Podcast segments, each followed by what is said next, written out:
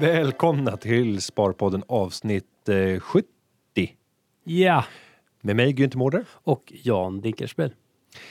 Jag tycker att vi kastar oss in omedelbart på en eh, fråga som har inkommit på Nordnet-bloggen. Ja, för det är ju på nordnetbloggen eh, .se alternativt hashtag Sparpodden på Twitter som man ställer frågor till vårt. och styr innehållet i vårt program. Exakt. Och här är det vikt, eh, förlåt, eh, Meinstein som har ställt en eh, fråga. Hej! Väldigt populärt med högutdelande aktier och indexfonder nu. Påverkar dessa trender marknaden något? Tänker att det är aktier som inte berörs efter ett tag blir mer attraktivt värderade och berörda aktier högt värderade. Så det Marstein egentligen frågar om Du läste ju inte på ett sätt som gör att man liksom Nej, men- greppade frågan. Vill du, vill men du om, jag summera? samma, om jag ska sammanfatta Ja. frågan så handlar det om, om trenden att många letar högutdelande aktier. Det är en trend. En annan trend det är att indexförvaltning blir allt vanligare för att kunderna efterfrågar just det. Och då är frågan, påverkar de här trenderna oss som sparare? Får jag lägga en tilläggsfråga då? Ja, visst. Tolkar du Meinsteins fråga som att det är en trend så här inledningen på året eller skulle du säga att det är en trend generellt sett utifrån ett investeringsperspektiv? Både och. Jag vill hävda att det är en strukturell trend till följd av de låga räntorna så letar vi allt mer efter högavkastande aktier, alltså aktier med hög utdelning. Sen finns det en säsongseffekt i att man i slutet av året och början av ett nytt år letar efter utdelningsaktier för att få hämta sina kuponger. Egentligen en, en strategi som Som, eh, idioti egentligen. Teoretiskt så ska den ju inte kunna spela någon roll alls. Men, rent tekniskt. Ja, men gör man undersökningar som tittar på om du har ägt aktier under halvåret inför utdelningssäsongen så har det halvåret överpresterat, överpresterat något otroligt jämfört med det halvåret då du har fått utdelningarna av ett halvår framåt.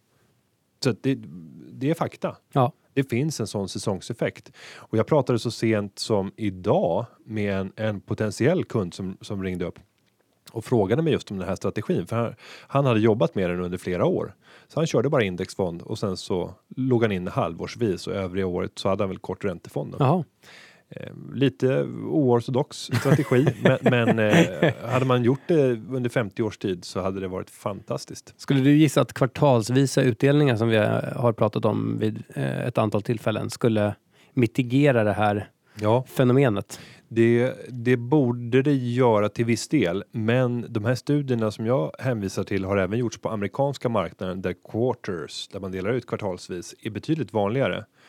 Så att effekten verkar ändå finnas, även om den kanske inte då är direkt hänförlig till till eh, utdelningssäsongen utan snarare att man köper då på hösten efter att skakigheterna normalt sett har varit. September är oftast en ganska Mm. skakig månad. Oktober brukar det bottna ur. Tror du att ett bokslut, ett årsbokslut får bättre genomslag i massmedia än ett eh, kvartals, en kvartalsrapport? Ja, det får det.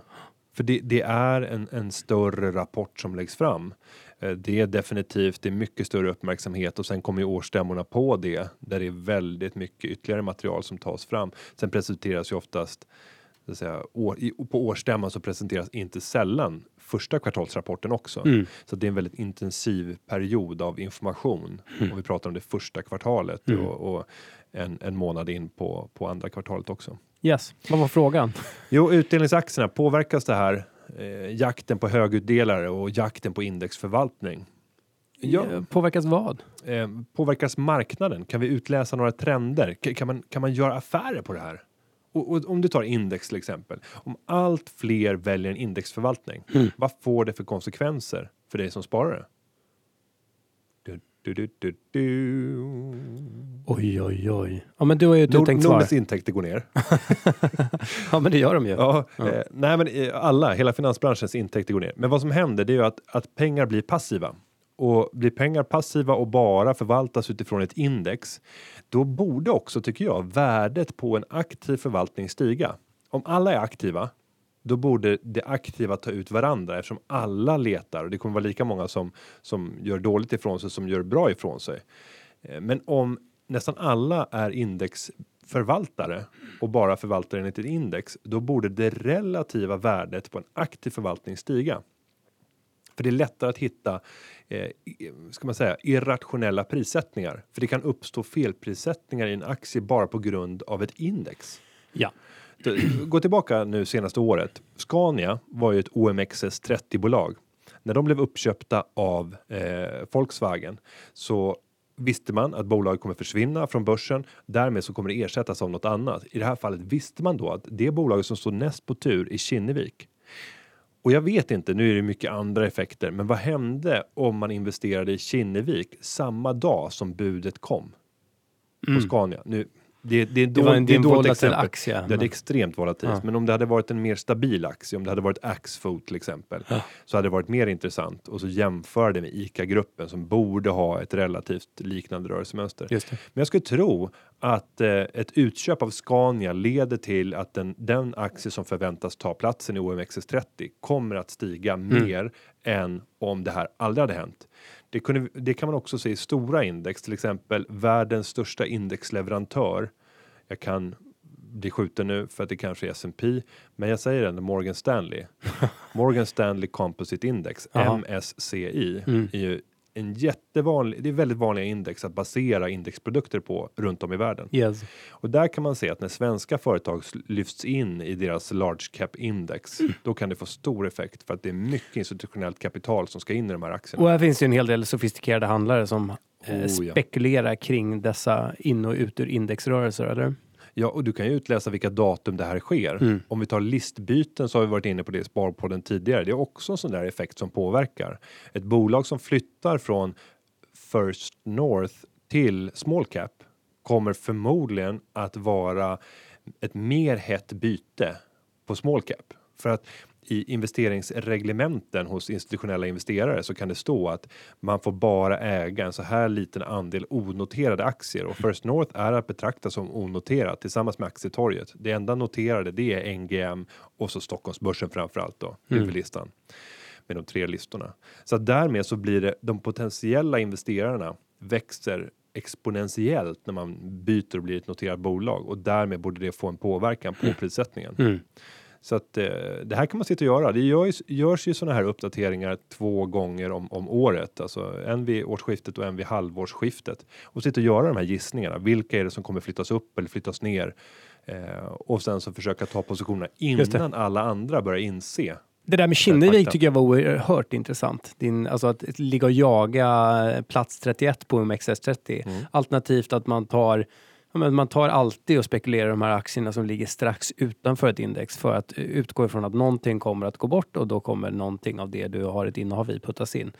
Jag undrar om det går att göra den där typen av portföljsammansättning. Sen i de här listförändringarna så får man inte glömma att anledningen till att ett företag byter eh, lista från large cap till mid cap eller vice versa.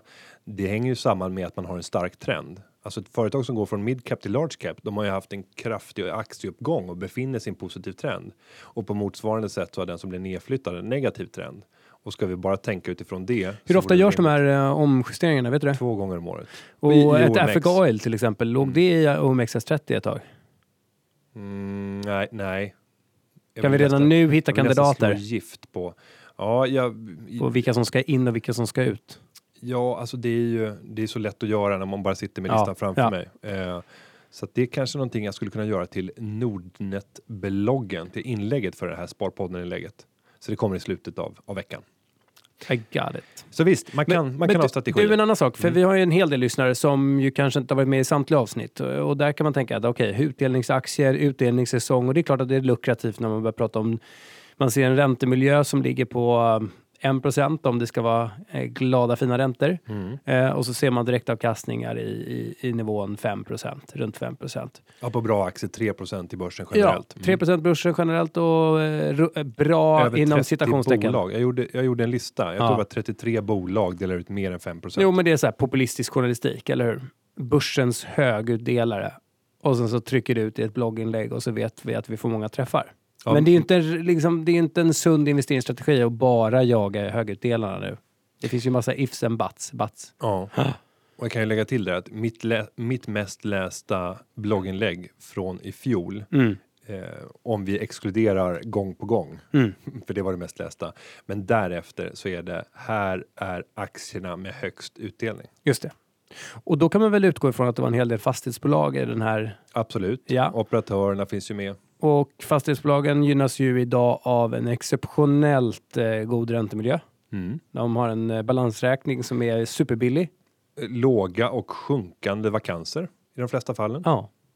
Så att det, det är en drömmiljö för fastighetsbolag just nu. Så att bara köpa högutdelare och tro att ja, men vad, vilken smart strategi. Här får jag någonting som direkt avkastar fem och jag tar ingen risk med själva innehaven. Det kan vara en viss, eh, jag lägger in en viss eh, ehm, försiktighet kring att eh, utnyttja den strategin. Eller hur tänker du? Jo, det, det jag vill se det är att det finns en underliggande vinsttillväxt som har kunnat uppvisas under en lång tid. Så gärna genom finanskrisen. Kolla tillbaka sju år. Har vinsten per aktie ökat för varje år?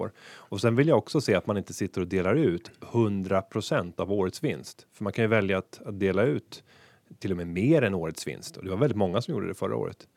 Eh, Men då vill jag ha ett bolag som växer vinstmässigt och som inte delar ut mer än kanske 60-70% av vinsten. För då vet jag att det finns en potential att öka det ytterligare. Man kan dela ut mer av vinsten och vinsten växer samtidigt. Så det blir en dubbeleffekt.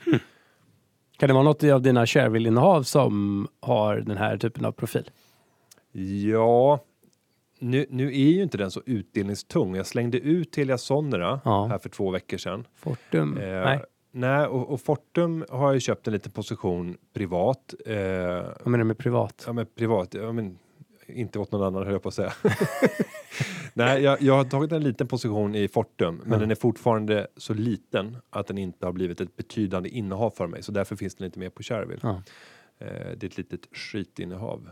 Men det har varit 10% Vinsten för Fortum kan inte antas stiga så där dramatiskt, inte heller för Telia Sonera, så de saknar tycker jag några av de här Principerna som du Ja, bryter emot? Ja, nej, men jag vill ju ha den underliggande vinsttillväxten om vi ska leta efter drömutdelningsaktierna. Eh, Ericsson har ju höjt utdelningen nu, vadå, är det fjärde året i rad eller? Vet inte. Ja, men de bara trissar upp den. Nu kommer ju bokslutet eh, samma dag som vi spelade in, spelar in det här, tisdag. Eh, och nu höjde man utdelningen med, med eh, 40 öre om jag inte är fel, från 3 kronor till Ja. 3,40. Hur var resultatet? Eh, nej, det var inte speciellt imponerande. Resultatet eh, och sen så om man jämför med i fjol så ska man komma ihåg att man hade Samsung-pengar från i fjol. Man Mm. gjorde en patentuppgörelse som gjorde att vinsten blev väldigt stor under fjolårskvartalet. Eh, men, men ett svajigt kvartal. Vad, vad var det, hur var det Hans Westberg sammanfattade det? Han använde någon sån här sportmetafor. Det var mycket svaj. Det var mycket svaj i kvartalet. Alltså Hans Westberg låter lite grann som typ Erik Hamrén när han kommenterar matchen. Alltså, båda är lika engagerade. De har den är här lite norrländska Ja. kustdialekten. Absolut. Hälsingedialekten. Så det är rätt underhållande. Lyssna på eh, Hans Westberg. Vi seglar iväg. Ja, det gör vi. Ja. Men du, ja, hur sammanfattar vi det där då?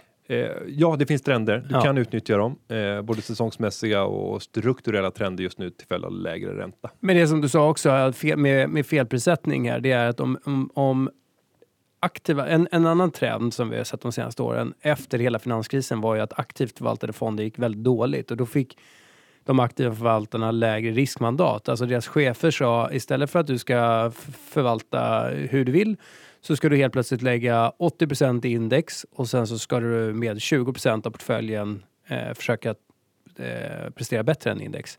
Så att även aktivt förvaltade fonder trackar index ganska väl och eh, spararnas pengar och eh, många instituts pengar har gått in i, i indexfonder i högre utsträckning. Vilket ju då också skapar felprissättning. Om vi säger att det finns ett sentiment i marknaden som gör att nu jäklar så vill man ha exponering mot aktier.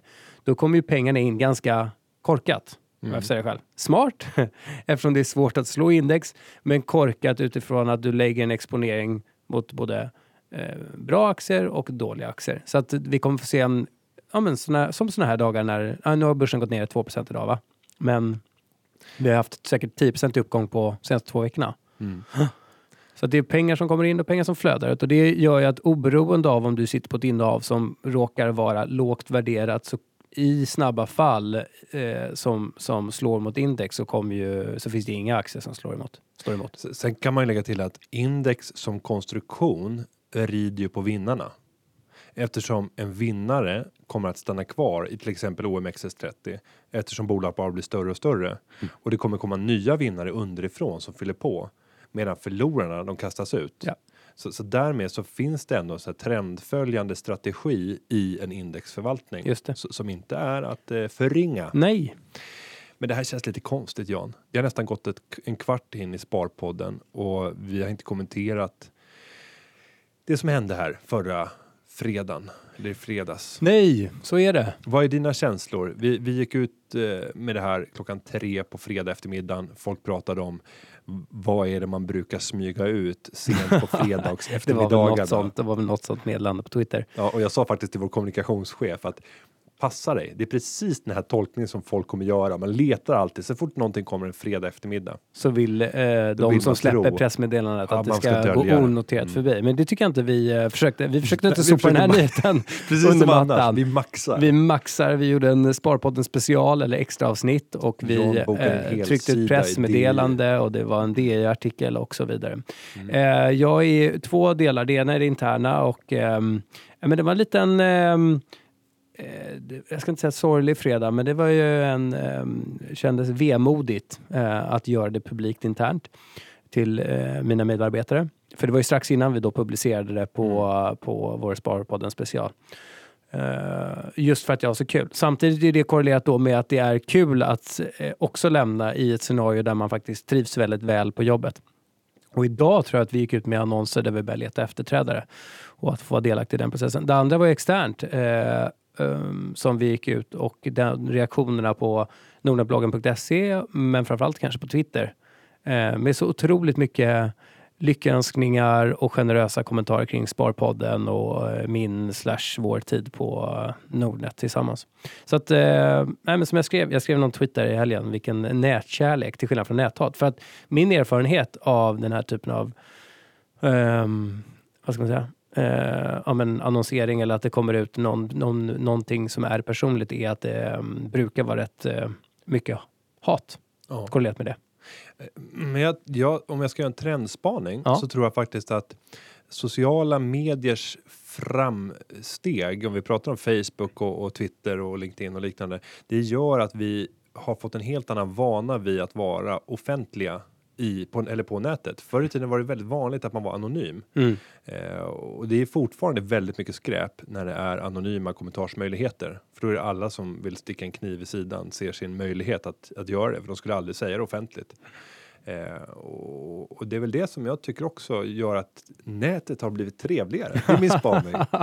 Bra spaning. trevligt. Och sen har ju du en, en, eh, hört en reaktion från eh, min kollega, en Ja. kille som rapporterade till mig som var, åkte tunnelbana på väg till jobbet. Ja, vi kan avslöja, äh, avslöja. Vår kollega heter Petter och åkte tunnelbana. Jag tror att det måste ha varit grön linje och då hade han överhört hur två stycken eh, yngre herrar, för att kanske inte säga pojkar, det kunde han inte nämna exakt eller det tog jag inte reda på.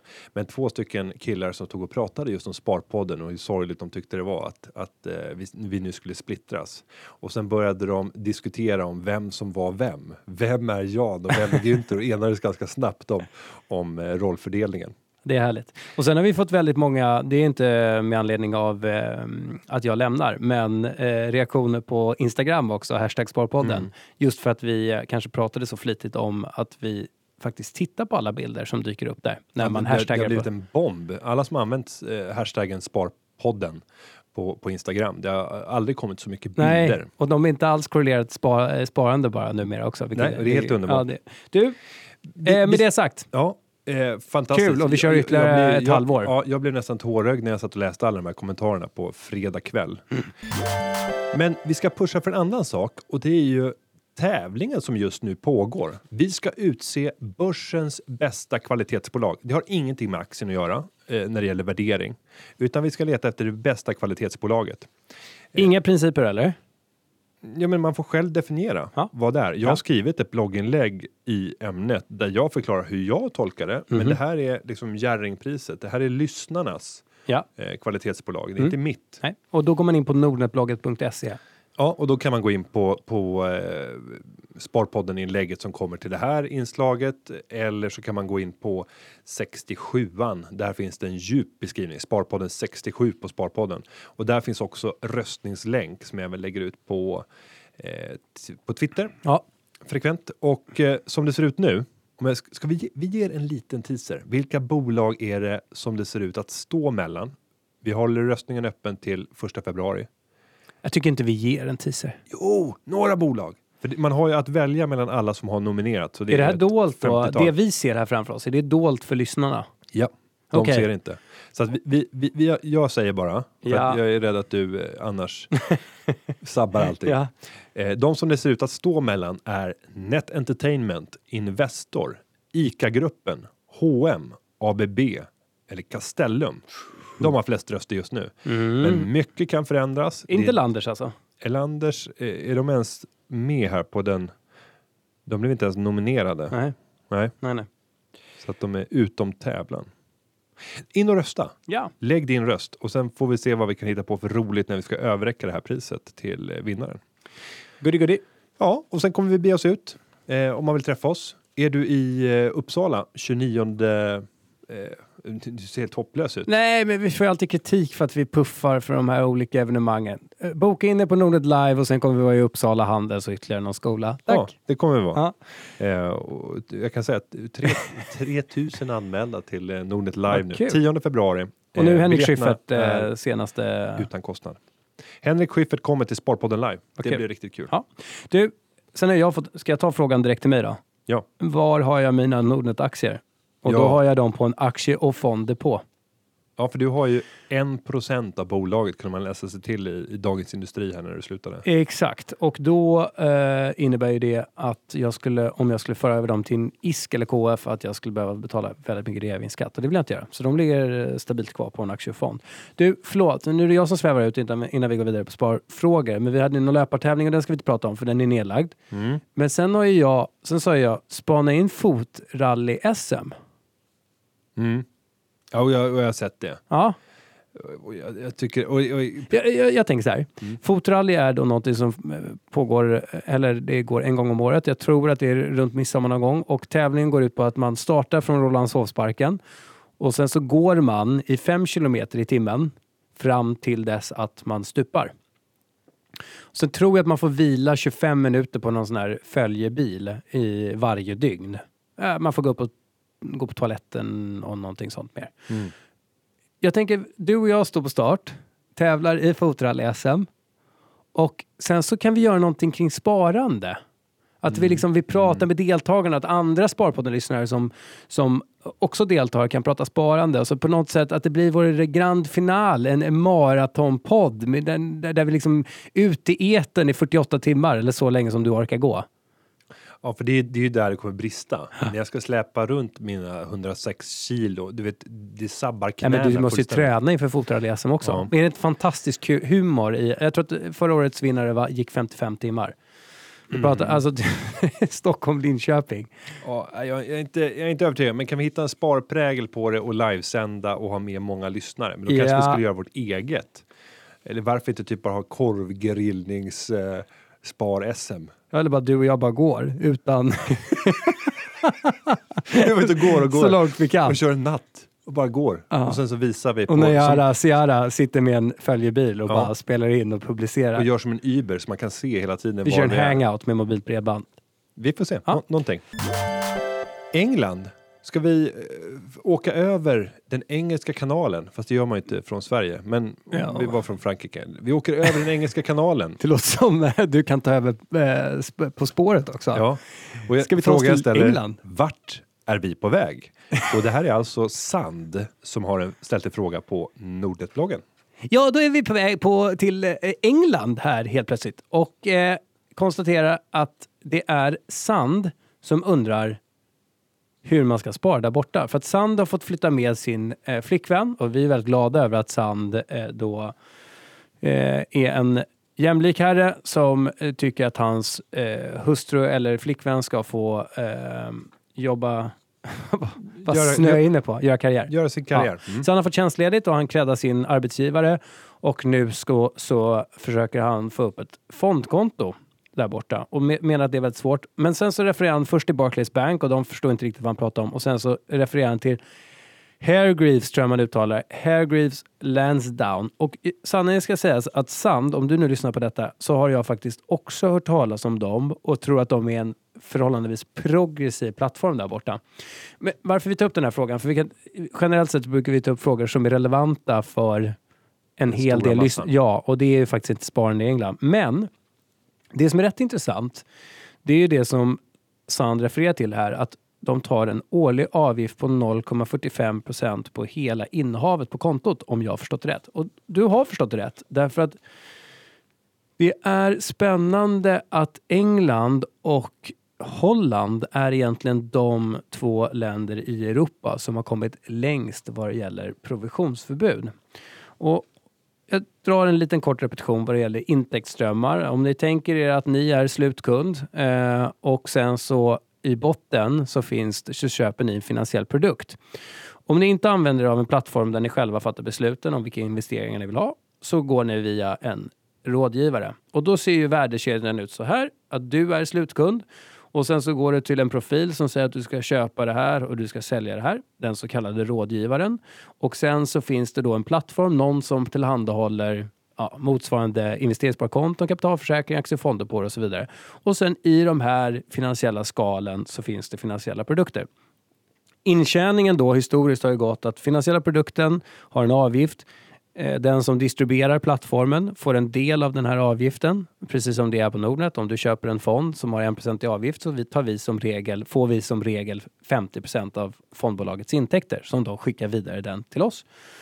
Så är det även där. Och sen så eh, skickar vi under vissa omständigheter vidare det då till en rådgivare. Så att det blir liksom Ja, om, man är, om man är cynisk så blir det lite korrupt i alla led därför att rådgivaren kommer inte vara oberoende utan den kommer välja en dyr fond så att eh, plattformen får mycket pengar så att plattformen kan ge mycket pengar till rådgivaren så att rådgivaren kan köpa en stadsjeep och spela mycket golf. Är du med? Mm. Ja. Men i England har man då efter finanskrisen gått väldigt hårt åt hela den här strukturen så att nu har man förbjudit ehm, alltså provisioner eh, i samtliga led. Så att plattformarna kan alltså inte få längre i England provisioner från fondbolagen till sina plattformar. Så då har man helt enkelt upprättat nya fonder med i, som regel halva priset. Så då har man lägre fondavgifter och sen så har man en plattformsavgift som i det här fallet då är 0,45 poäng. 45 poäng.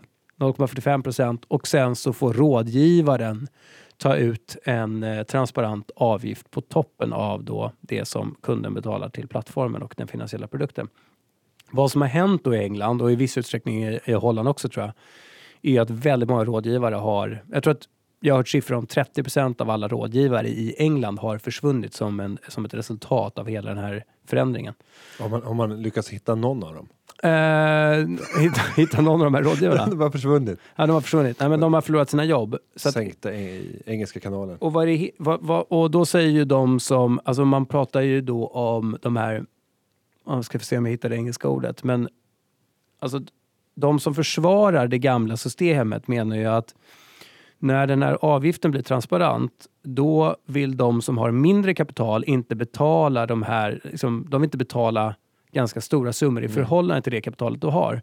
Så då blir det, finns, alltså i den mindre kategorin så finns det inga som kan få vägledning längre. Det finns inga som kan få rådgivning. För att när de ser vad prislappen är i förhållande till det de har på sina, på sina konton så blir det alldeles mycket pengar och då säger de upp sina finansiella rådgivare.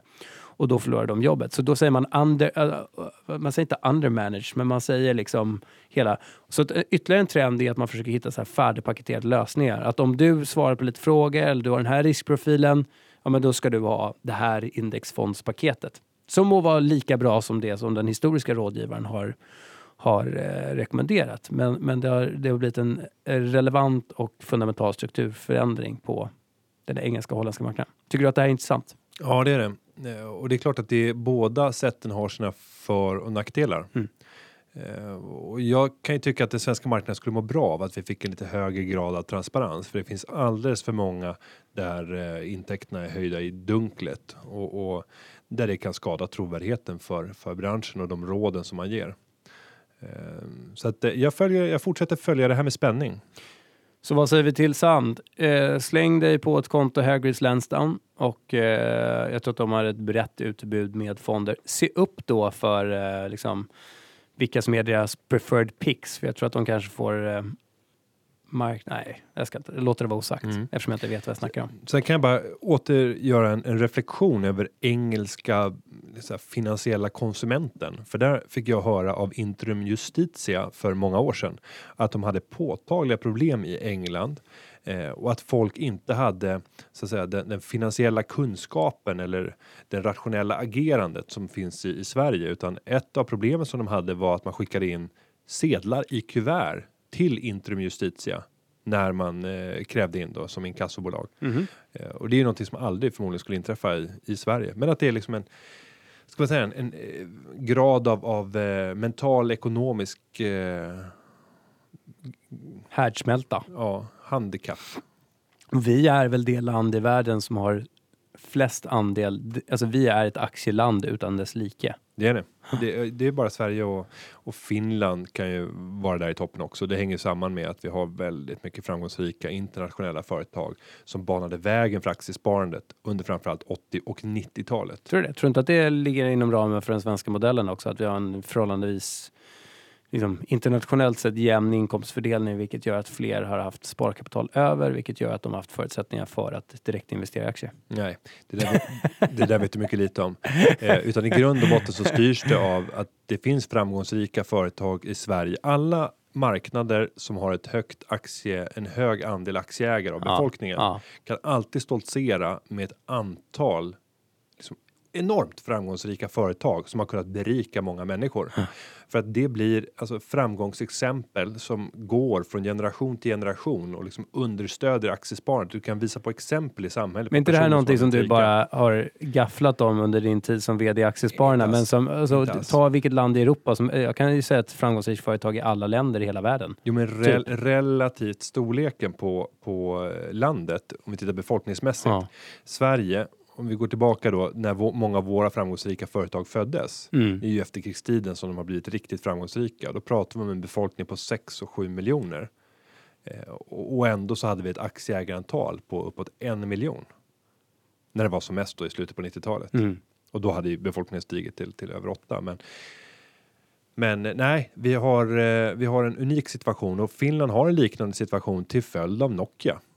Nokia gjorde enormt många människor rika och det räcker med att vi tittar på vår plattform. Alltså, Mm. Nokia är helt överlägset mest ägda aktien Mm. i, Finland. Alltså en finsk aktieportfölj som inte har Nokia, det är inte en aktieportfölj. Men ta Novo Nordisk då i eh, Danmark. Det börjar komma, men det är första riktiga exemplet i Danmark på ett sånt där ett världsdominerande företag. Man skulle kunna nämna eh, shippingföretaget AP Möller Maersk också, men det är inte alls samma folklighet i det. Statoil i Norge. Ja, men det är heller inte samma folklighet och det är inte en global etta. Alltså, de är ju en, en ursäkta, vi har 800 nor eh, norska lyssnare, men, men, men det är en liten, en liten i L'Oreal i sammanhanget. Frankrike. Eller är, LVMH. liquid. LVMH. Ja, nej, men jag, jag vill nog hävda att just folk, men hävda, du borde ju ha läst 70 miljarder men det- forskningsrapporter på jo, ämnet. det, det- det är väl det man gör med. som vd för Det är Aktiespararna. hur många jobbar på L'Oreal? Hur många procent av, av eh, Frankrikes befolkning jobbar på L'Oreal?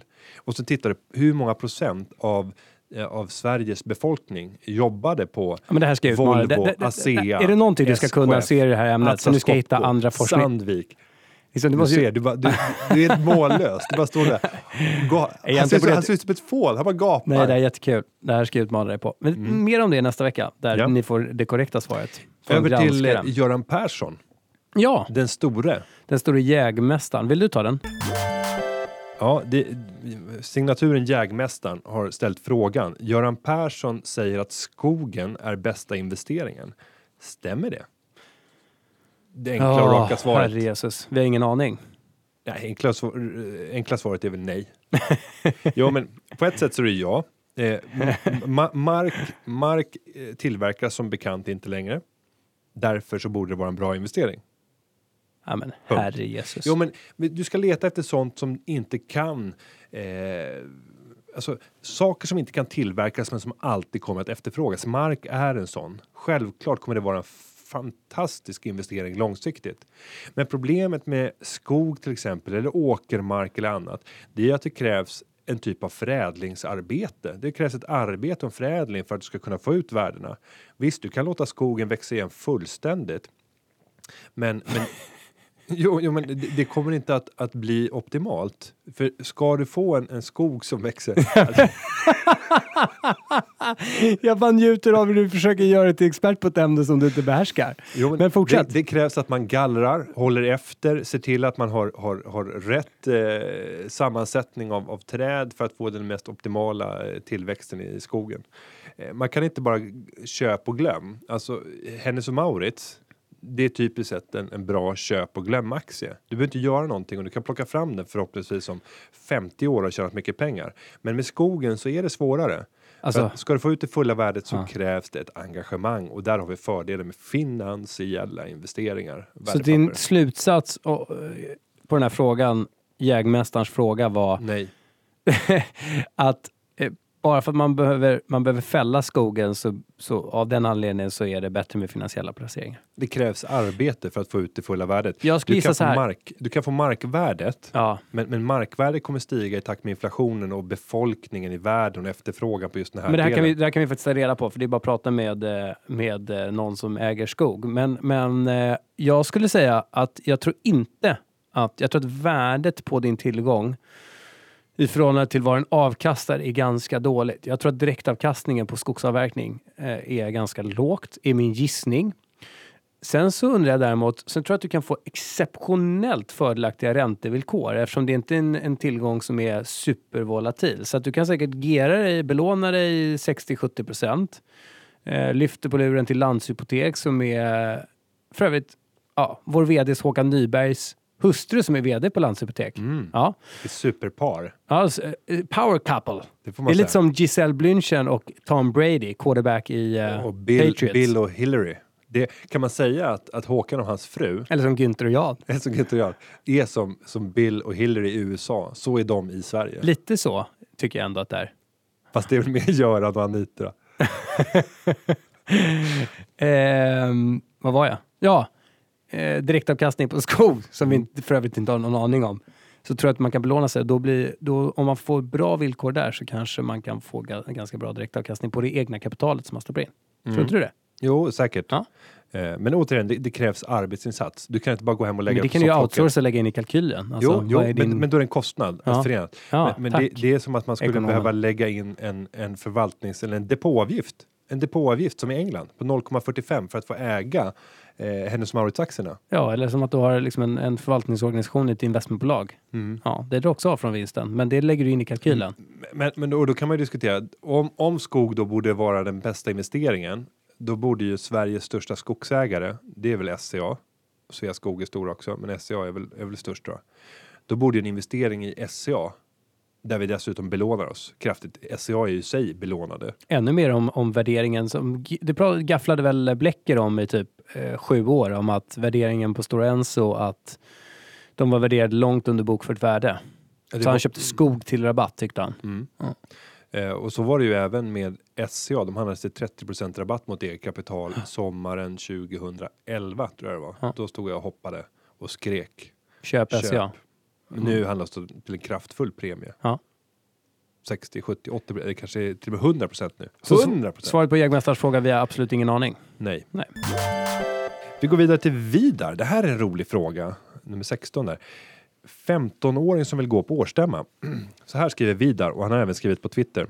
Hej Günther och Jan, tack för en grym podd. Har en fråga angående årsstämmor. Är alla aktieägare välkomna på årsstämmor eller finns det någon åldersgräns? Och Vidar fyller 15 i mars och är väldigt aktieintresserad. Eh, Det här är kul. Alltså Vidar kommer kunna gå hur långt som helst om han redan nu är så engagerad i sitt ägande att han vill gå på årsstämmor och det är inte mamsen eller pappsen som trycker på här eh, så finns alla förutsättningar för att det här kommer kunna bli en En framtida Günther. en gud, jag kunde inte sagt det bättre själv. Eh, jag hade ju exakt samma utmaning när jag var i den åldern. Jag ville gå på årsstämmor.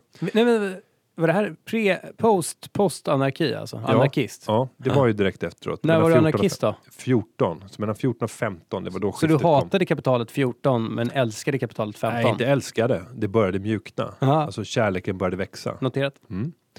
Eh, och jag tog mig ofta in på stämmorna för de kontrollerar väldigt sällan personnumret och tittar på legitimation eller liknande. På stora stämmor så gör de det, men det är bara för att hantera anmälningssystemet. Och då tror jag att det kanske är svårare.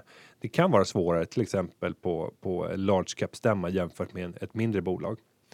Eh, egentligen får du inte utöva din rösträtt eh, för att du inte är myndig och därav kan du inte fatta dina egna beslut Mm. utan dina föräldrar måste göra det åt dig. Mm. Eh, och jag tror dessutom, här får någon jurist rätta mig, men du får inte heller som förälder ge fullmakt till ditt barn att rösta för dennes egna aktier, utan du måste ha fyllt 18. Jag stötte ju på det här problemet på en stämma i Autofill och där jag råkade som 17-åring bli största ägare på plats efter att huvudägarens aktier diskvalificerades när aktiespararna ville se fullmakten från det bolaget som huvudägaren förvarade sina aktier på. Mm. De ville se fullmakten från eh, det bolaget att han kunde företräda dem och att de hade anmälts på vederbörligt sätt, vilket, vilket han inte kunde redovisa. Så då var jag största ägare och eh, då ville man ju avsätta huvudägaren och tillsätta en ny styrelse. Så där fick jag frågan som 17-åring. Så det, det, det faktiska svaret är egentligen att han får gå på vinst och förlust men, men Mm. som princip så har han inte rätt att, att eh, Utöva sin Nej. rösträtt. nej och inte ens närvara Nej. på en årsstämma. Nej, egentligen inte, men det är väldigt få som kommer sätta käppar i hjulen för dig. Och i de allra flesta large cap-bolagen så tar man även emot externa besökare.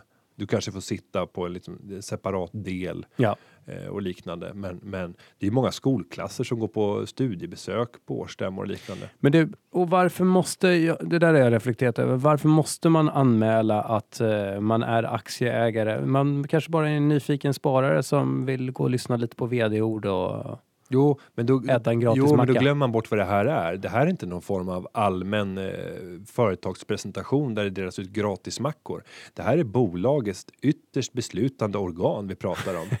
Det är ungefär, du, du, lik, du likställer det här med som att man bara skulle kunna traska in på ett styrelsemöte i Ericsson eller i ABB bara för att man är lite intresserad av att höra vilka diskussioner som försiggås i styrelsen eller bara hoppar in i bastun eller åker iväg i, i planet på jaktresor Ja. bara för att man vill följa med när, när, när potentater åker runt. Det kanske vore, det kanske vore kul om vi stoppar Nej. in en kamera i vårt styrelserum.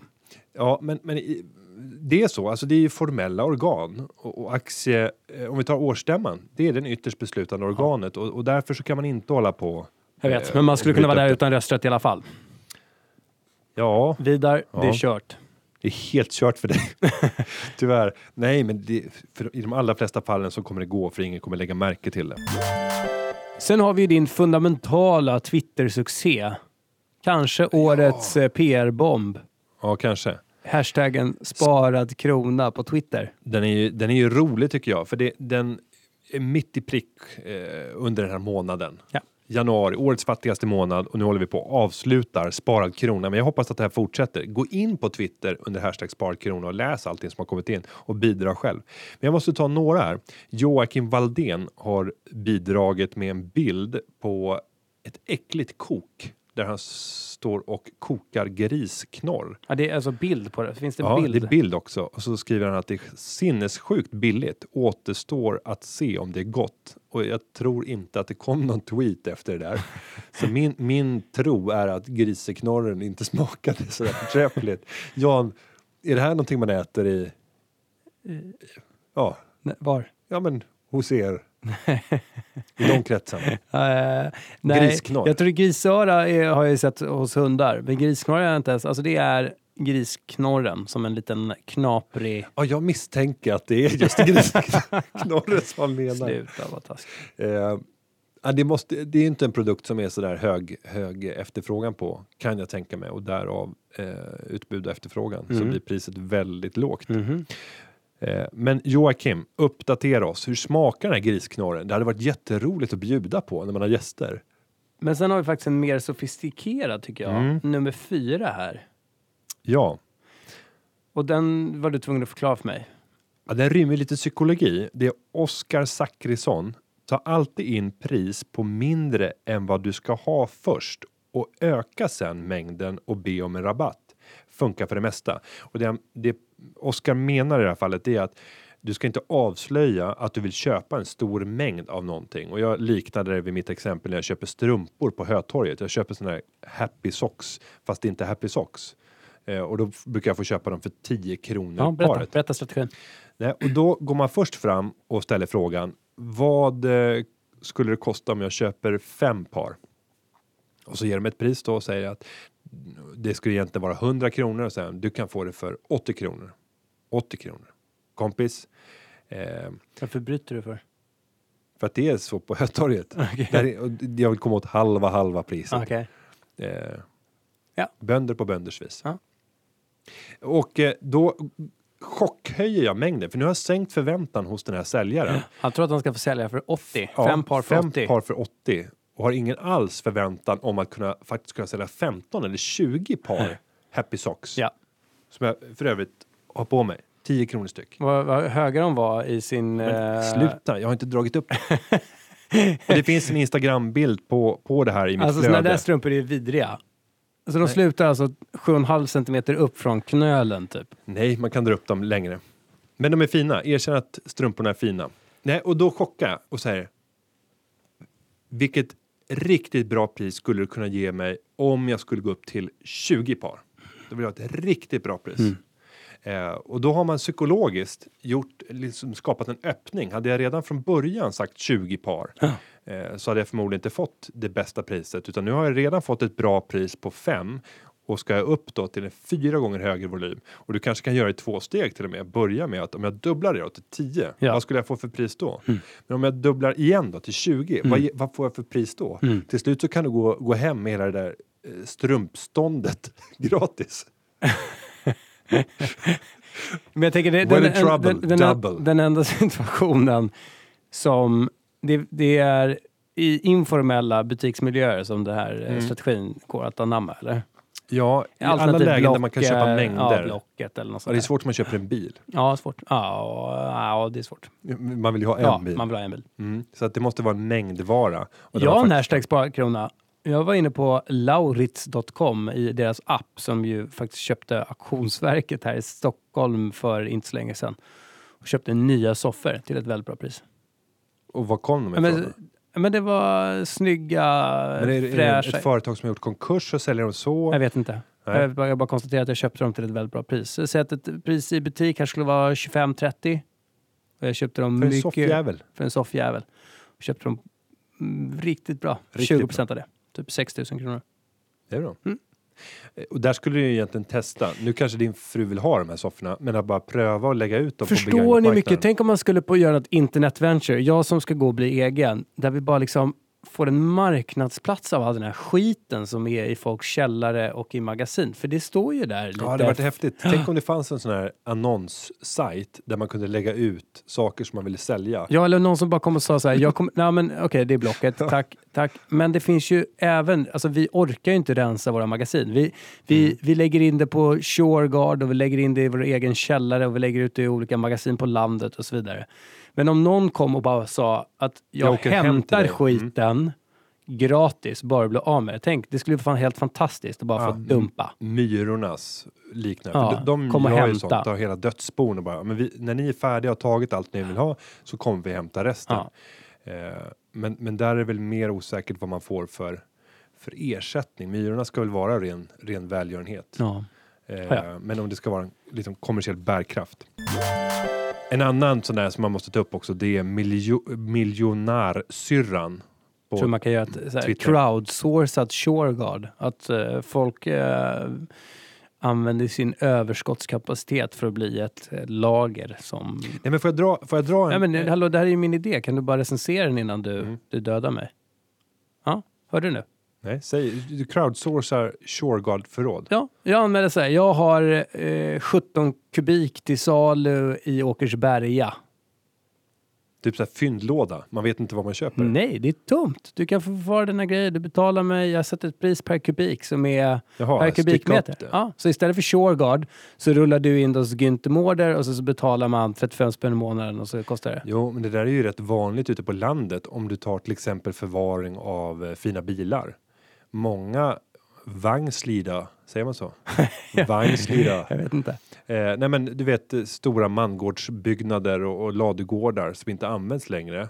Där folk åker ut utanför eh, storstäderna och parkerar sina bilar eller husbilar eller husvagnar över vintern Mhm. och betalar för Ja, det. Så ja. det är en förvaringstjänst. Ja. Så det finns en ganska väl Men det finns ju ingen bra digital, det finns ju ingen bra digitalt gränssnitt för detta Nej. Crowdade Shoreguard. For, forvo- forvoring för, Ja, men du kan få bli min marknadschef. Men jag har en annan affärsidé som Ja. jag tänkte droppa till dig. Ja. Eh, och den här är rolig för den innehåller kan man säga en, en dimension av social investing. Wow! Mm. På soptippar så skulle jag vilja hävda att eh, där privatspar eller privatsparare och privatpersoner, är helt skadad, privatpersoner slänger skräp. Ja. Så ungefär 30 till 40 procent av det som slängs har ett värde som inte är oansenligt för andra människor. Håller du med mig? Mm, nej. Titta. Nej, men jag frågar Jan Dinkelspiel. Ska, ska det stå på soptippen och bara no, no, jag tror inte den har värde. Nej, men du kommer med, en, med ett gammalt skåp som eh, inte ens kan stå upp längre. Nej, men då vill jag hävda Ja. så här.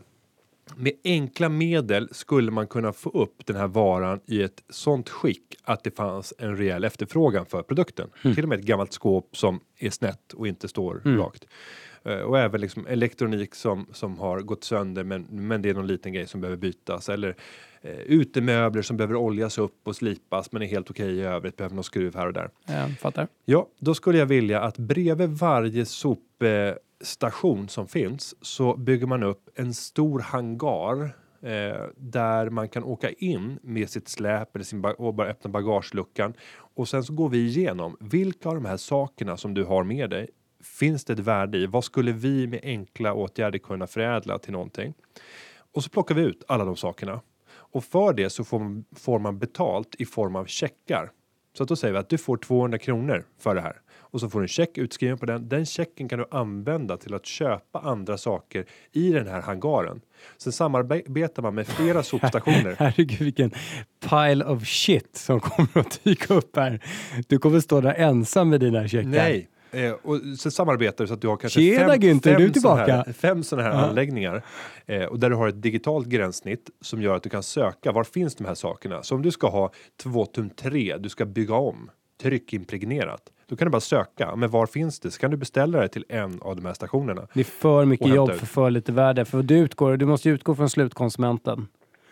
Och då istället för att du bara ska skicka ner allting så kommer du få checkar. För du, du kommer med liksom ett släp Vi Och blir sen- av med grejer. och vill bli av med grejer. så kommer hem. Och så ska du ställa dig på stationen jätteglad. bredvid. och så har du fått en check på 120 kronor. Men det är alltid någonting man behöver. Och sen ska du gå in då med den här checken och titta på det här digitala gränssnittet och browsa igenom det andra skitet som finns Nej, på det här... räcker med att du går runt i hangaren och bara tittar. Så du bara, men vad ah, vill jag byta ah. mot? Så bara, men det här var ju roligt. Barnen kanske behöver en sån där krocket, träkrocket. Och nu ska jag lägga till den sociala dimensionen. Mm. Här tror jag att man skulle kunna ge jobb till folk med arbetshandikapp. Sådana som har jättesvårt att ta sig in på arbetsmarknaden men som skulle kunna hjälpa till och dra ut lite spik från, från eh, brädor och ser hjälpa till med Samhall... olja. Ja, eh, olja utemöbler, fixa enkla görat och sen så även jobba med den digitala registreringen. Alltså någon som bara fotar i miljö och lägger upp Tack. det. Nej men det låter alldeles eminent. och jag, tror sitta i dessutom att kommuner borde kunna ställa upp med mark Jaha. gratis Mm. för att man vill ge många arbetstillfällen. Men du, eh, på riktigt. Det här är lysande. Nej men det här är, erkänn att det, det är en frestande idé. Nej, så här Och skulle jag vilja sammanfatta det. Att det, det finns någonting i det här köp och slösa samhället som eh, det ligger i modet att eh, recycla. Att Mm. vi alla på något sätt känner att det, det funkar inte. Att vi liksom, man pumpar upp lite olja Mm. och sen producerar man plast i Kina och sen transporterar man det hit och sen köper vi en leksak för 7,50. Det, det är inte långsiktigt hälsosamt.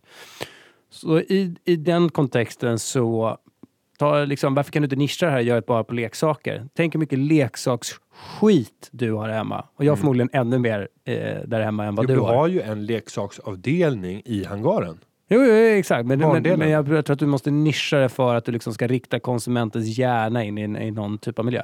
Men vill du köpa... Ja, nog om det. Så att, så att på tema tror jag att det finns någonting att hämta. I just din setup är jag inte helt säker på lösningen. Här har, det är en guldidé. Bara ut och realisera. Mm. Entreprenör. Och sen så tänk dig vilken fantastisk media du skulle kunna få med en sån här grej. För det är gott för alla. Det är ett hållbart Varför samhälle. inte bara, varför inte bara ha en app som du öppnar ett konto på så går ner och fotar allt skiten i källare så säger du ett, liksom, stoppar upp ett pris och sen så har du en, en liksom, vill någon ha det så får de komma förbi och hämta det. Därför, ja, för tittar jag på det som finns idag i Blocket och Ebay och, och sådär, Tradera, så, så tycker jag det blir för dyrt i vissa avseenden när det gäller så här småprylar Ja, för mig blir det för jobbigt. och för jobbigt. Ja, det är, det är min tröskel. Ja. Du, liksom, du ska eh, det är mycket- browsa och- och, och- och hitta reda och hitta någon kontakt Och och, rätt transferering av pengar. rätt, Ja. ja, rätt sökord ska man ha med i annonsen för att de hittar det. Ja. Ja. Ska vi avsluta där? ja. Det är Eh, relevant för Sparpodden. vi, eh, ska vi ta en sista Twitterfråga? Ja, det kan vi göra. Pensionärer? Borde, borde inte alla pensionärer vara miljonärer? Var det en Nej. absolut... Var det liksom en fråga för, för Ja, att avsluta? Det är von Nob, von Noob. Eh, varför är inte alla pensionärer miljonärer? Och då sa jag så här när du gick igenom den frågan, Ja. är de inte det? Eh, Jo, och då ska vi bara ta beräkningen här. Då säger von Noob, om de sparade 400 kronor i månaden i 40 år med 7% avkastning så skulle det leda till att de hade 1 miljon 50 000 kronor. Eh, de har bara satt in 192 000. Och då så frågade jag dig, men om man tittar på pensionärer inför pensionsutbetalning, är de inte miljonärer, den absoluta majoriteten?